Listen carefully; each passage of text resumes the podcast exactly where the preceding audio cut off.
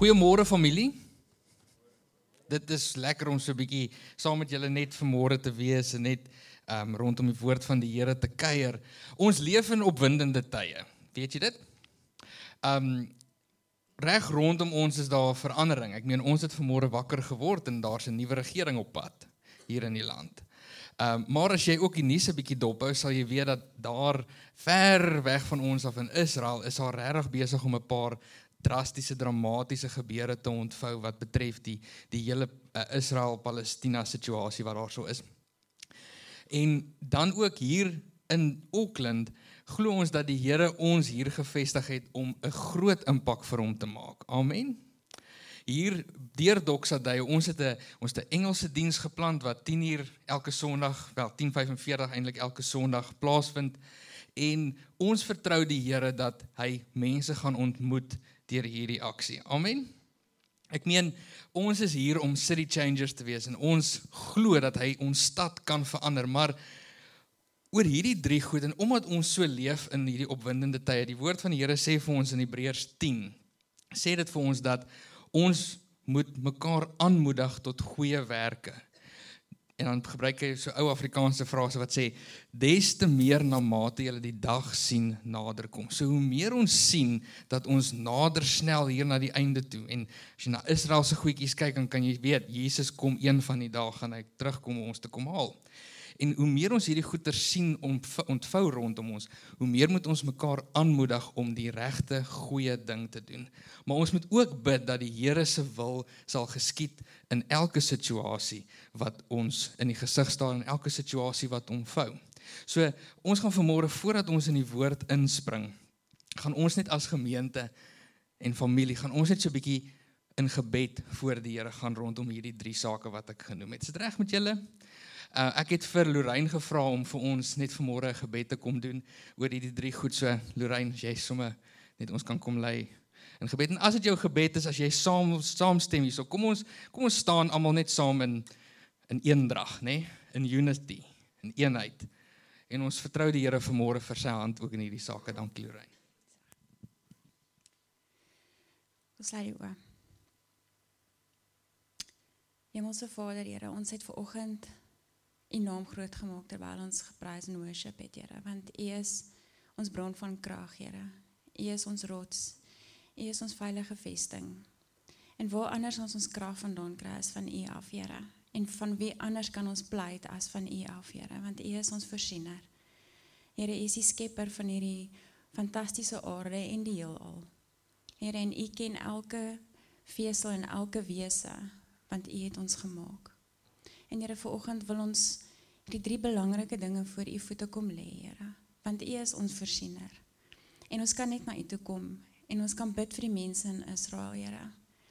Die konflik is al vir baie jare aan die gang, Here, maar dit het nou ontlont in 'n volskaalse oorlog, Here, en ek wil bid vir die leiers van daardie lande, van Palestina en van Israel, Here, dat U vir hulle wysheid sal gee. Here, dat U vir hulle insig sal gee en kalmte, dat hulle nie emosioneel sal optree nie, Here maar dat hulle met wysheid sal optree en met wysheid besluite sal neem en die mense in ag sal neem, Here, want ons onskuldige mense wat lewens verloor. Daar is onskuldige vrouens en kinders en ou mense, Here, wat swaar kry. Wat nie kos het nie, wat nie water het nie, Here. En ongeag wie hulle is, hulle is u kinders. En Here, u het hulle lief.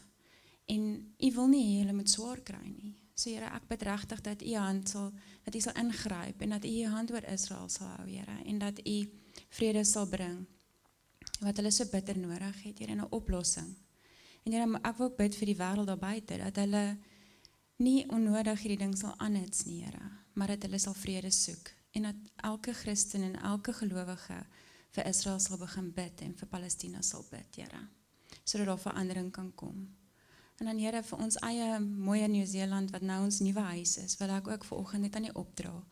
En bid Here dat met die nuwe regering wat nou ingestem is, dat ons as gelowiges nog steeds die vryheid sal kan hê om U te kan aanbid, Here. Dat daar positiewe verandering sal kom, Here. Ek bid dat U ook vir hulle die wysheid sal gee om Nieu-Seeland te lei soos wat U hom wil hê, Here.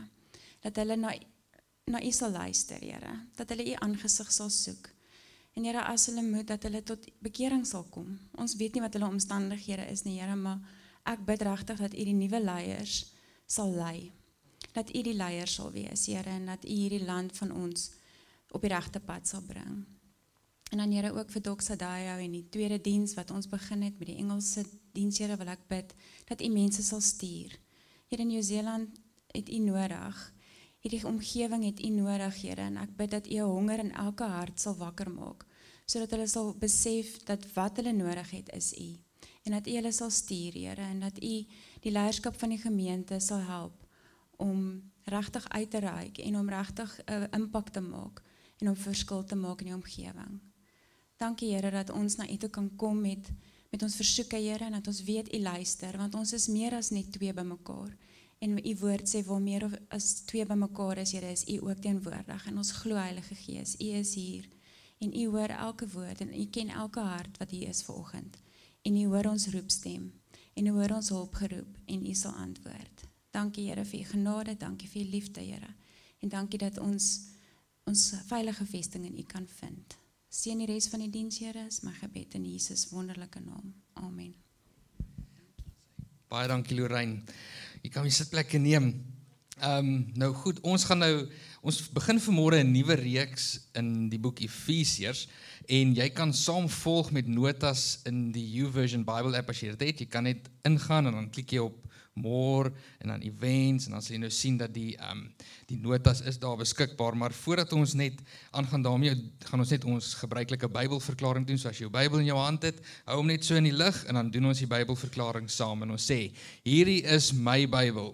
Dit is die lewende woord van God wat my lewe rig ek is wie God sê ek is ek het wat God sê ek het ek kan doen wat God sê ek kan doen my gedagtes is bewus, my hart is ontvanklik en ek sal nooit weer dieselfde wees nie in Jesus naam. Amen. Nou, die boek Efesiërs, jy kan so lank soontoe blaai, soontoe gaan in jou app. Die boek Efesiërs is geskryf deur Paulus, die apostel. Ons het al sy naam 'n paar keer gehoor. Waarskynlik terwyl hy in die tronk was en hy was besig om te wag om die keiser en 'n paar belangrike mense te gaan sien. En hy het vier boeke geskryf, maar onder andere in in daai tyd, maar onder andere het hy Efesiërs geskryf en saam met dit reken hulle het hy ook Kolossense geskryf. So ons gaan nou oor die volgende 3 weke gaan ons hierdie boek Efesiërs uitpak, maar as jy dit nou gaan lees by die huis, dan lees jy Efesiërs sommer so 'n bietjie saam met Kolossense want daar's baie ehm um, oorlopende temas tussen hierdie twee boeke wat mekaar nogal uitbou en en beskryf. Maar spesifiek nou met Efesiërs Efesiërs handel oor ons postuur as kinders van God, as die liggaam van Christus op aarde. En postuur verwys natuurlik daarna na hoe ons ons liggaam posisioneer. Ehm um, dit kan ook verwys na die aard van iets, hoe iets is, wat is die die karaktereienskappe daarvan. Ehm um, ek meen aard verwys na wat iets werklik is. Jy weet dis 'n dis 'n stelling, 'n stok is krom of 'n stok is reguit, nê? Nee? Nou net so word daar 'n paar stellings oor die kerk gemaak in Efesiërs. Wat is die liggaam van Christus? Hoe is die liggaam van Christus? Wat is 'n paar feite rondom ons as kinders van die Here? En dan funksie wat ons ook leer vanuit Efesiërs, die funksie van die liggaam van God. Wat kan iets doen? So ons leer, ons gaan leer uit hierdie boek uit wat verwag die Here moet die liggaam van Christus hier op aarde fisies doen. En dit word mooi opgedeel deur Paulus met drie spesifieke werkwoorde. Sit, loop en staan.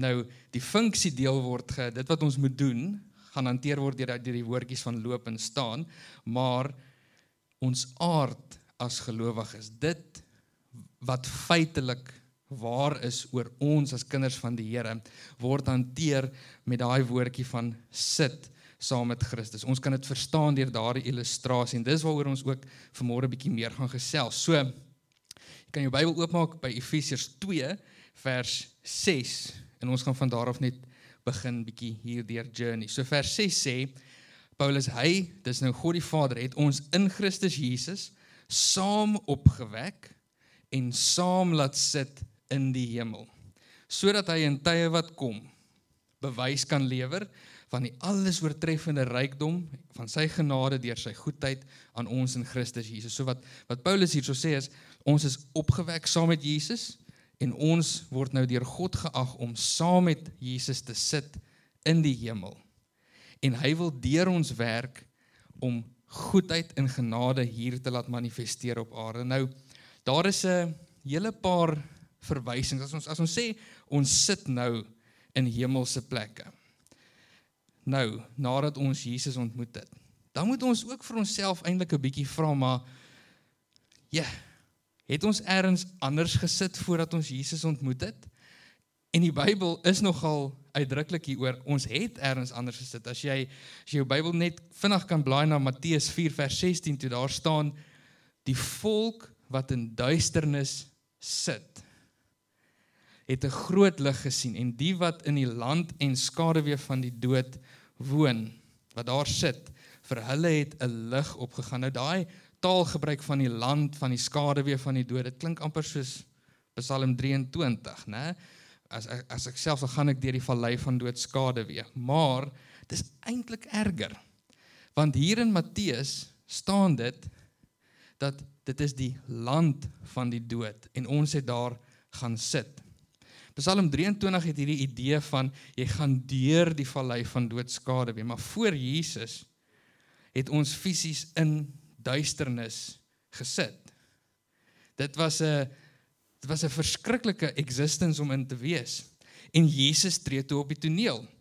En God doen iets merkwaardig met ons.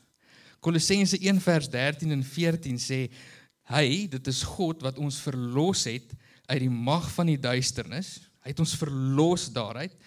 He saved us from the power of darkness en oorgebring het in die koninkryk van die seun van sy liefde, Jesus. Hy het ons in Jesus se koninkryk oorgebring in wie, dis Jesus, ons die verlossing het deur sy bloed, naamlik die vergifnis van sonde. So God het iets vir ons kom doen. Ja, hy het vir ons Jesus gestuur sodat Jesus vir ons sonde kon sterf, maar hy het ook iets met ons gedoen. Hy het ons losgemaak van die mag wat die duisternis oor ons lewe gehad het. En hy het ons getransfer, oorgeplaas na 'n nuwe koninkryk, toe na 'n nuwe plek toe waar Christus se lig deur ons kan werk en in ons kan werk. Toe Jesus se waarheid ons lewens kom verander het, het ons nuwe citizenship gekry. Dis mos iets wat ons almal verstaan. Ons het nuwe citizenship gekry. Ons is nou nie meer citizens, we no longer citizens of the kingdom of darkness. We are citizens of the kingdom of God. Ons is koninkryksburgers. Maar as die woord sê dat ons sit saam met Jesus in hemelse plekke, dan moet ons vir onsself vra, okay, maar waar in die hemel sit Jesus? En die antwoord is in Efesiërs 1 vers 20 waar dit staan dat Jesus sit aan God die Vader se regterhand. Hy sit nou aan die regterhand van God. Nou, het julle al gehoor van die regterhand in die Bybel? Het julle dit al raak gelees dat baie keer dan staan dit ja, hy's hy's aan my regterhand. Nou, dit beteken 'n klomp goedjies, maar onder andere is beteken dit ten opsigte van Jesus dat hy is verhef bo elke mag en gesag. Hy het ultimate authority. Jesus is alom is is almagtig. Hy het die ultimate posisie van krag en mag en eer en heerlikheid wat aan hom gegee is. Maar bo alles en dis nogal belangrik, ek gaan nou net hierso 'n stoel vat. Bo alles sit Jesus nou. OK? En julle almal sit nou ook. So ek gaan nou net so sit.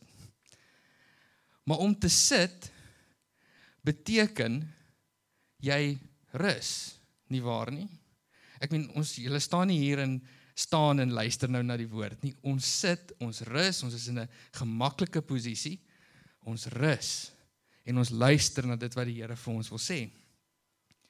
En om te ru, om te sit impliseer dat as Jesus sit, dan beteken dit waar die Bybel sê ons is verlos, beteken dit daai werk is gedoen. Daar is niks meer wat daarbey gevoeg kan word nie. Ons is ten volle verlos. Jesus se werk is ten volle volbring. Ons is ten volle gered uit die mag van die duisternis. We are no longer partly, ons is nie een voet in die duisternis en een voet in die lig nie. Toe Jesus ons kom red het, het hy ons ten volle gered. Dit beteken ook dat ek en jy het 'n vaste hoop in Jesus. Dit beteken dat ons in die in die lewensomstandighede wat ons te beurt val, word ons nie rondgeslinger soos 'n 'n ankerlose bootjie in 'n storm nie. Want Jesus is ons vesting. Dit beteken dat ons kan uitsien na 'n toekoms saam met hom. Maar ook nie net 'n toekoms nie, maar dat ons reg nou hier vrede kan hê in ons gemoed, in ons gees, in ons lewe. Wie van julle het vrede omdat julle vir Jesus ken vanmôre? Hy is ons die Bybel praat van hy is ons vredevors. He is the prince of peace. Hy is die een wat vir ons vrede bring en vrede gee. En jy sien toe ons met hom identifiseer, toe ons met Christus identifiseer, daai dag wat ons gesê het, Here Jesus, ek hoor, ek verstaan wat U vir my gedoen het. Ek glo dit, ek neem dit aan, ek maak dit my eie. Toe gebeur daar iets. Nie net identifiseer ons onsself met hom nie, maar die Vader, God die Vader identifiseer ons ook met Jesus. Wat beteken dit? Net dood eenvoudig. As ons sê dat God identifiseer ons ook met Jesus, dan beteken dit dat wanneer hy na ons kyk, dan sien hy nie ons individuele pogings en individuele suksesse en individuele mislukkings raak nie. Hy sien Jesus se Ons is in Christus. Ons lewensdoel verander van as ons regtig besef, Jesus, ek is met Jesus identifiseer. Ek identifiseer met hom. Verander ons lewensdoelwit 'n bietjie. Dit verander van een waar ons die heeltyd moet probeer bewys ek weet nie aan onsself of aan God of aan wie ook al dat ons is goed genoeg en ons verdien sy genade. Dit dit beweeg weg van daai af. En dit gaan na 'n lewensdoel toe waar ons sê Here Jesus, U moet meer word en ek moet minder word. Johannes die Doper het gesê toe hy vir Jesus sien, hy moet meer word en ek moet minder word. En die oomblik wat daai switch flip in ons gees, daai identifikasie storie en ons sê ons identifiseer nou met Jesus dan gebeur daar 'n baie interessante ding. Skielik bepaal ons omstandighede nie meer hoe goed God werklik vir ons is nie. Het jy al agtergekom? Baie keer kan ons subtiel vir mekaar sê, "Ag, jy gaan nou deur 'n baie moeilike tyd, maar die Here wil jou omstandighede verander." Nou net net 'n logiese vraag. As die Here jou omstandighede wil verander as as dit nou sleg is met jou, as dit sleg gaan met jou, Waar was hy dan toe jy in daai omstandighede geland het? Het hy jou gelos? Ek meen, God los ons nie. So het hy is daar het het hy 'n split personality met respek gesê dat is hy is hy een keer is hy net 'n partykeer vir jou goed en ander kere nie? Nee. God is goed. Hy's altyd goed. Altyd genoeg altyd God. Maar tog is daar hierdie subtiele ding wat ons mekaar sal sê van ja, nee. Die Here wil jou omstandighede net verander, maar hy wil nie jou omstandighede verander nie. Hy wil jou verander. Hy wil jou nader trek tot 'n plek van beter en groter identifikasie met Jesus. Jy sien die Bybelse boodskap is juis een waarin ons leer dat selfs in die donkerste omstandighede is God genoeg en hy is goed vir ons. Meeste kere ook is dit nie so nie word ons omstandighede nie deur God veroorsaak nie, maar deur ons eie besluite. Het dit al met jou gebeur? Né? En dan dan doen ons hierdie ding. O, oh, nou moet ek bietjie meer Bybel lees en bid. of ek moet ey, ek moet nou nou moet ek tyd met die Here spandeer. Né? Nee? Maar tog as ons sê dat hy identifiseer ons met Christus en dis wat die woord sê, dit is die waarheid. As ons dit sê, dink jy tyd met die Here gaan hom liewer maak vir jou dat hy jou sommer net gaan uit omstandighede uitruk? Nee, dit gaan nie gebeur nie. Sorry. Dit dit gaan nie gebeur nie. Dit gaan nie gebeur as iemand net bo natuurlik vir jou hande oplê. O, oh, daar verander jou omstandighede nou totaal en al onmiddellik nie. Dit gebeur soms maar minder as wat dit meer gebeur. Die doel van daai tye wat ons dan sê nee, maar ons moet dalk bietjie meer tyd met die Here spandeer. Daar gebeur eintlik iets heeltemal anders. Ons doen dit nie om hom om te koop om vir ons iets goeds te doen nie. Ons doen dit om ons eie harte en gedagtes nader te trek aan hom. En soos wat ons gedagtes en ons lewens uitkyk oplyn en opsinkroniseer met wat hy wil hê in ons lewe, dan begin ons omstandighede verander want dan begin ons besluite neem soos wat hy in, in die eerste plek wou hê ons dit moes neem. Dis 'n amper logiese equation. Hoe meer ons in werklikheid tyd saam met die Here spandeer, hoe meer in ons eie hart gebeur daar 'n werk wat ons identifikasie met hom meer en meer bevestig. Maar jy sien om te om te gaan sit en God kyk na ons en hy identifiseer ons met Christus en ons identifiseer met hom is maar net een van die goed wat gebeur as ons besef ons sit saam met Christus in hemelse plekke. Die ander ding wat gebeur is dis ook 'n uitnodiging tot intimiteit saam met God. Nou hierdie stoeltjies is nogal baie naby aan mekaar, nê? Nee? En julle ouens wat langs iemand sit, julle het almal of 'n hand om of jy sit so een kant toe want dit is so bietjie tight, né? Maar Jesus sit aan die regterhand van God die Vader, ons sit saam met hom daar. En as jy so naby aan mekaar sit, dan is dit 'n uitnodiging tot intimiteit. Nie waar nie? Veral julle wat julle arms so om julle wederhelftes het. Dis 'n uitnodiging tot intimiteit in ons verhouding met God. Daar staan in Efesiërs 2 vers 13 vers 12 en 13. Onthou dat julle in daai tyd, dis voordat julle vir Jesus geken het, so uitgesluit was van die burgerskap van Israel. Vreemdelinge. Hoor daai woord, vreemdelinge ten opsigte van die verbondsbeloftes. Sonder hoop en sonder God in die wêreld. Maar nou in Christus Jesus het julle wat destyds ver was naby gekom deur sy bloed. Nou let op daai taalgebruik. Ons was ver weg maar nou het ons naby gekom. Ons was vreemdelinge vir die beloftes. Maar nou is die beloftes onsin. 'n Belofte is iets wat iemand sê ek beloof jou dat ek gaan op 'n sekere manier optree en op 'n sekere manier dalk nie optree nie. Maar wie van ons het al het jy al 'n belofte gemaak in jou lewe?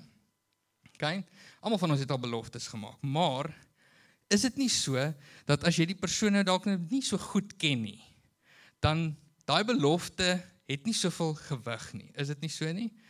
As jy as jy as jy die persoon baie goed ken, dan is daai belofte meer werd as jy hom maak en jy het 'n groter intent amper as ek dit so kan stel om daai belofte na te kom. Maar as jy die persoon nie ken nie dan dis nie dis human nature. Ek sien nou nie ons moet nou rondloop en gaan beloftes maak wat ons nie hou nie. Maar as jy die persoon nie ken nie en jy beloof iets vir iemand dan staan hy las nie so swaar om dit na te kom nie. Maar in 'n intieme verhouding soos wat ons het met God nou dat ons sit saam met Jesus in hemelse plekke in daai intieme verhouding kan ons rus in die wete dat God se beloftes wat hy aan ons maak dat hy dit gaan nakom. Dat dit vir ons iets gaan beteken. En dis beloftes soos as jy in die Ou Testament gaan lees, Die belofte in Genesis 3 vers 15 waar hy die eerste keer vir Jesus beloof het, dis 'n belofte wat waar geword het. In Jesaja 9 waar hy Jesus beloof het as die wonderbare raadsman. As ons daai belofte vat en ons sê, Here Jesus, as U die wonderbare raadsman is, dan moet ek dalk vir U begin raad vra as ek raad nodig het. As U die sterke God is, wat daai verse Jesaja 9 vers 5, as die sterke God is, dan kan ek vertrou dat U my nooit sal begewe of verlaat nie. Dan die ander groot een Jesaja 1 vers 18 sê die Here, hy sê kom laat ons die saak uitpraat. Al was julle sonde so rooi so skarlaak en dis 'n bloedrooi ehm um, kledingstof. Al was dit so rooi so skarlaak en dit sal so wit word so sneeu, menende dat jou sonde las wat daar voor die Here is, sal hy wegneem en jy sal sonde vry wees. Sonde, nie sonde vry in jou lewe nie, maar sonde, die effek van sonde, die skuld van sonde sal weggeneem word. En elkeen van ons wat Jesus al ontmoet het, kan getuig daarvan. Maar dan wat van daai 1 in Joël 2 waar hy waar hy beloof dat in die laaste dae en ons leef in die laaste dae sal hy sy gees uitstort op sy seuns en sy dogters. En as jy oud is, sal jy begin drome droom. OK, wie droom drome? En julle wil ook nou nie julle hand opsteek nie, want jy wil nie oud lyk nie. Ehm um, en jong mense sal visioene sien. Ek glo nog ek sien visioene. Maar daai beloftes is ons deel omdat ons nou sit saam met Christus in hemelse plekke.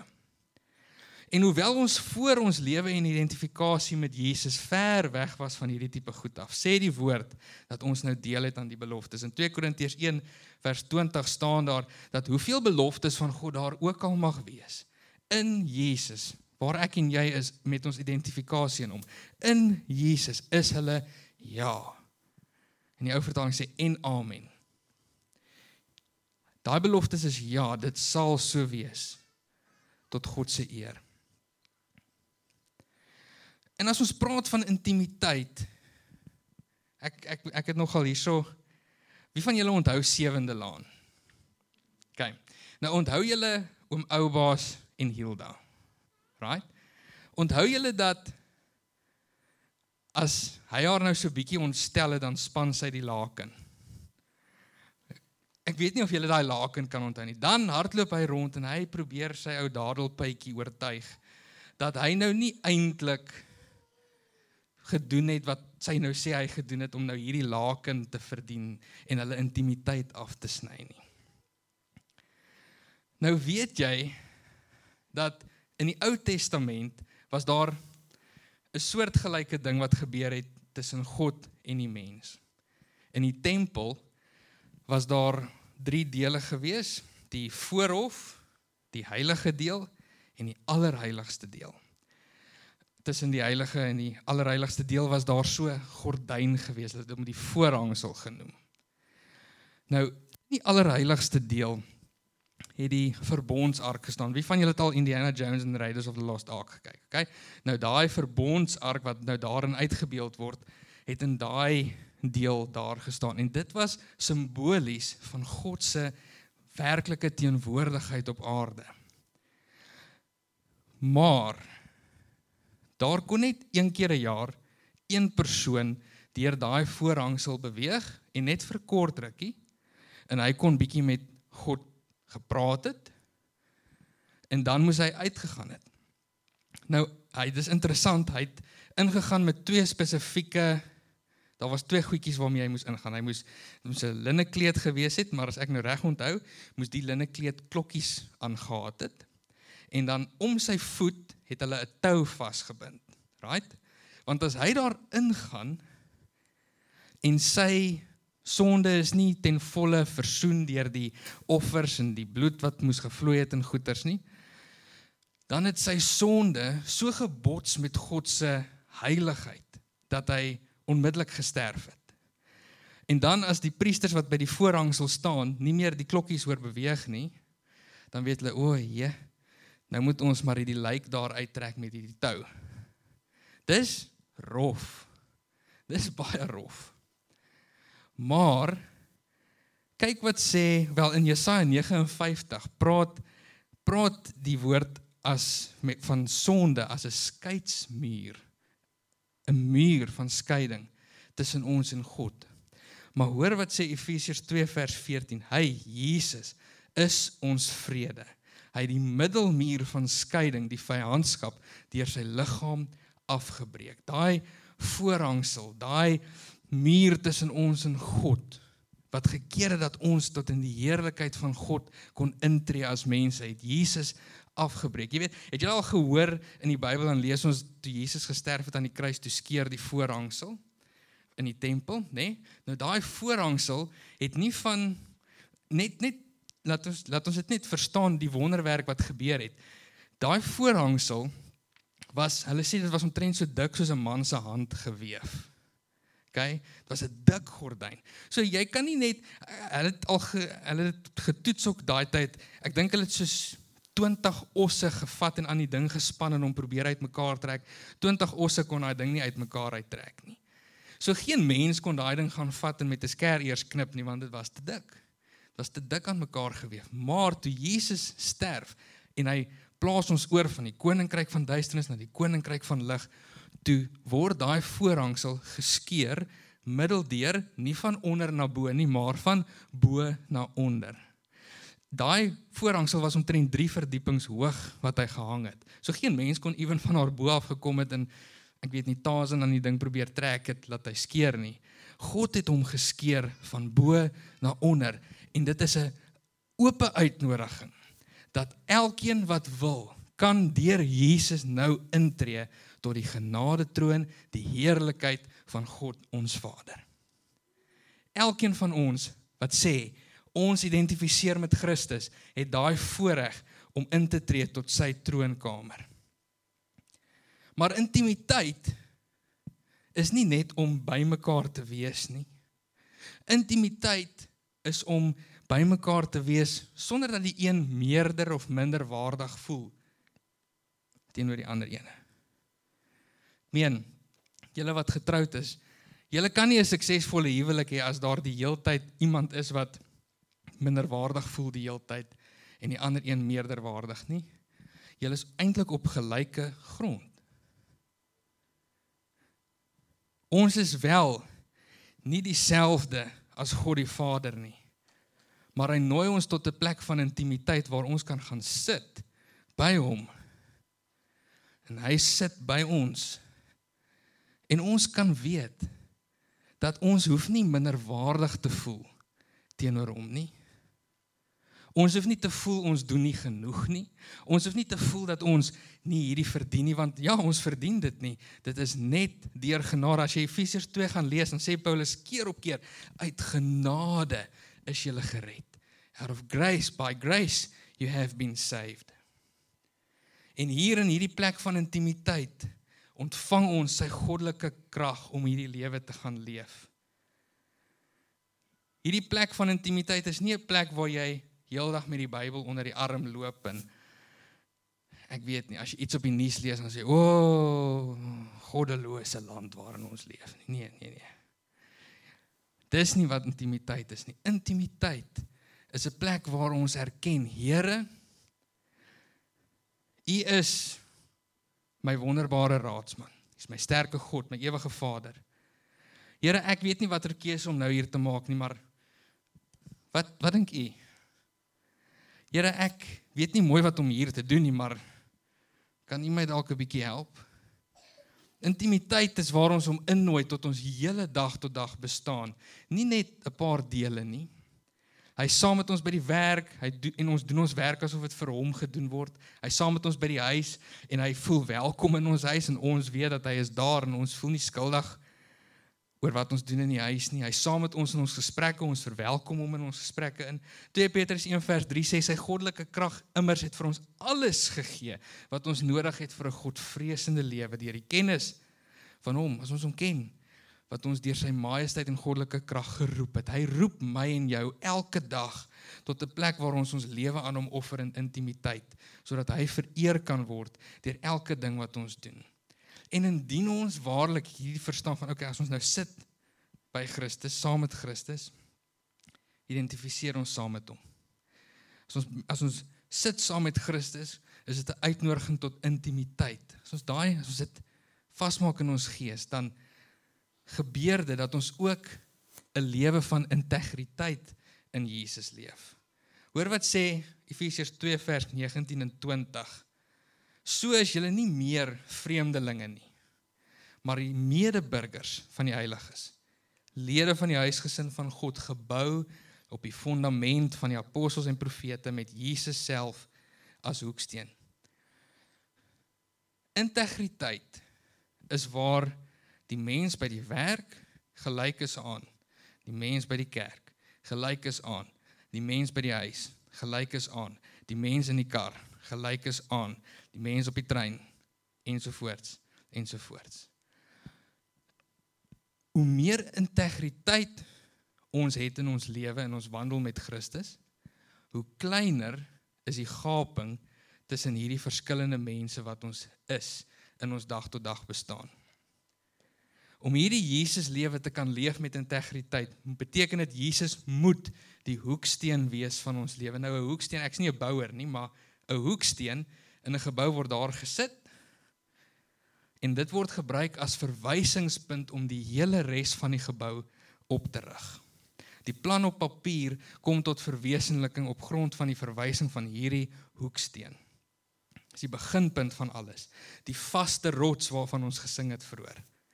Maar 'n hoeksteen bly net 'n klip in die grond as daar nie verder gebou word nie aan sy fondasie nie. En volgens hierdie skrif wat ons nou gelees het, is die apostels en profete of met ander woorde die woord die fondasie wat ons moet lê om hierdie gebou te bou, ons lewensgebou. En dan as jy nou verder gaan lees in vers 21 en 22 gaan praat dit van hierdie gebou, hierdie tempel wat opgerig word vir die Heilige Gees om in te kom woon. En daar is die sleutel tot 'n lewe van integriteit. Afhanklikheid op die Heilige Gees. 'n Lewe wat verwelkomend is vir die Heilige Gees om om in te kom woon, om deur te kom werk, om in te kom werk. Die Heilige Gees woon in ons, ja. Hy werk in ons, maar hy werk ook deur ons en hy werk om ons. 'n Lewe wat ons bou op die fondasie van die skrif met Jesus as verwysingspunt vir alles wat ons doen en alles wat ons verstaan, is 'n lewe wat die Heilige Gees verwelkom. Is 'n lewe wat die Heilige Gees se werk raak sien, erken in die wêreld daar buite.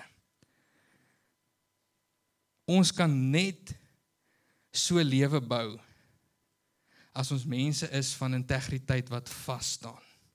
'n Gebou wat nie wankel nie, het 'n fondasie wat vas staan en 'n hoeksteen wat nie skuif nie. Die Here Jesus Christus sê die woord is gister en vandag tot in alle ewigheid is hy dieselfde. Wat hy gesê het al daardie jare terug geld steeds vandag vir ons. Hy is die weg, hy is die waarheid en hy is die lewe. Om 'n lewe van integriteit in Christus te leef beteken ons beweeg waarlik weg van 'n lewe waar ons die hele tyd dink of sê ek voel dat. Ek voel dit. En ons beweeg na 'n lewe toe waar ons vra Here nou wat sê u hieroor? Ons blyn ons gedagtes op met wat hy vir ons sê. Jy sien wanneer ons besef ons sit saam met Jesus in hemelse plekke, word ons bevry van menslike opinies, ons eie menings. Want skielik word ons nie meer meegesleer deur opinies nie, want die enigste opinie wat waarlik saak maak is Jesus se. Hy het gesê in Johannes 8 vers 31 en 32 praat hy en hy sê as julle in my woord bly sal julle my is julle waarlik my disippels en julle sal die waarheid ken en die waarheid sal julle vrymaak. 'n Woord gebou, 'n lewe gebou op die woord met Jesus as hoeksteen is 'n lewe waarin ons vryheid beleef. Aanbiddingspan, julle kan na vore kom. En ons het nou vanmôre gepraat daaroor om te gaan sit saam met Christus in hemelse plekke. Om saam met hom te sit beteken dat ons identifiseer met wat hy gedoen het. Ons identifiseer met Jesus. Om saam met hom te sit in hemelse plekke beteken dat ons ons aanvaar sy uitnodiging na intimiteit saam met God. Om saam met hom te sit in hemelse plekke beteken ons lewe ons ons ons bou ons lewe daarop dat ons met 'n lewe leef van integriteit. En dit is 'n waarheid wat die woord vir ons leer. Ons sit saam met Christus in hemelse plekke. Maar ken jy vanmôre hierdie waarheid? Dat Jesus nie net vir jou iets kom doen het deur vir jou te sterf vir jou sondes nie, maar dat hy iets met jou gedoen het. Dat hy deur die bloed van sy kruis jou oorgeplaas het van die koninkryk van duisternis na die koninkryk van lig in Christus toe. Dat jy oorgeplaas is van die geestelike land van dood na die land van lewe toe. Ken jy die waarheid dat jy nou in God se oë saam met Jesus sit in hemelse plekke? As jy nog nie doen nie, is dit ook oukei okay, want ons is almal op 'n journey. En dis wat hierdie illustrasie van om te sit so amazing eintlik maak. Want wie van julle het al gaan sit of wel staan wat ook al, maar kom ons sê maar sit. Wie van julle het al gaan sit in 'n donker plek? As die ligte heeltemal af is. In die movies, né? Heeltemal heeltemal donker. Dankie. En skielik skielik kom daar lig aan. Jou oë is nie gewoond aan daai lig nie. Jy moet 'n bietjie adjust. En dit is baie keer wat met ons moet gebeur. Ons moet net adjust na waar ons nou is.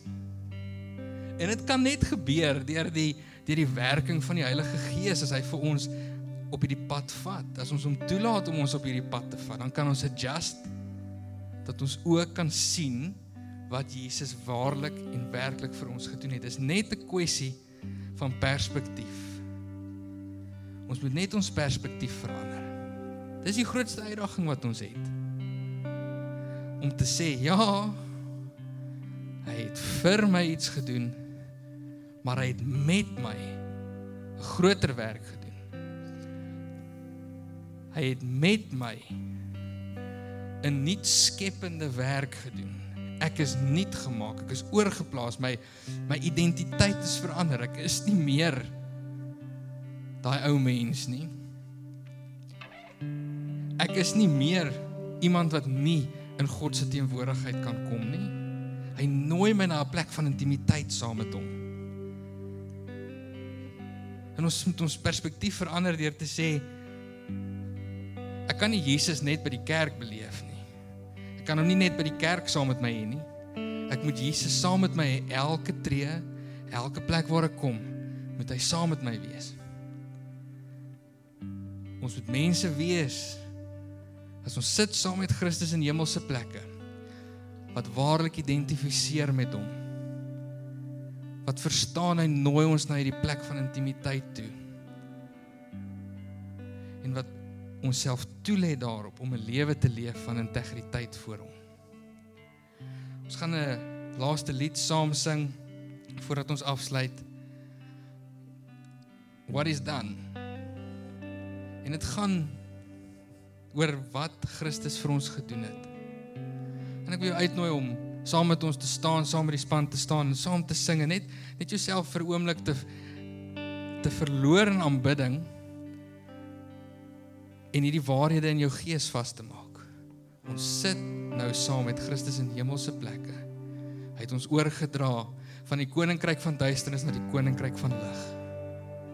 Kom ons staan saam. Dankie Andreas.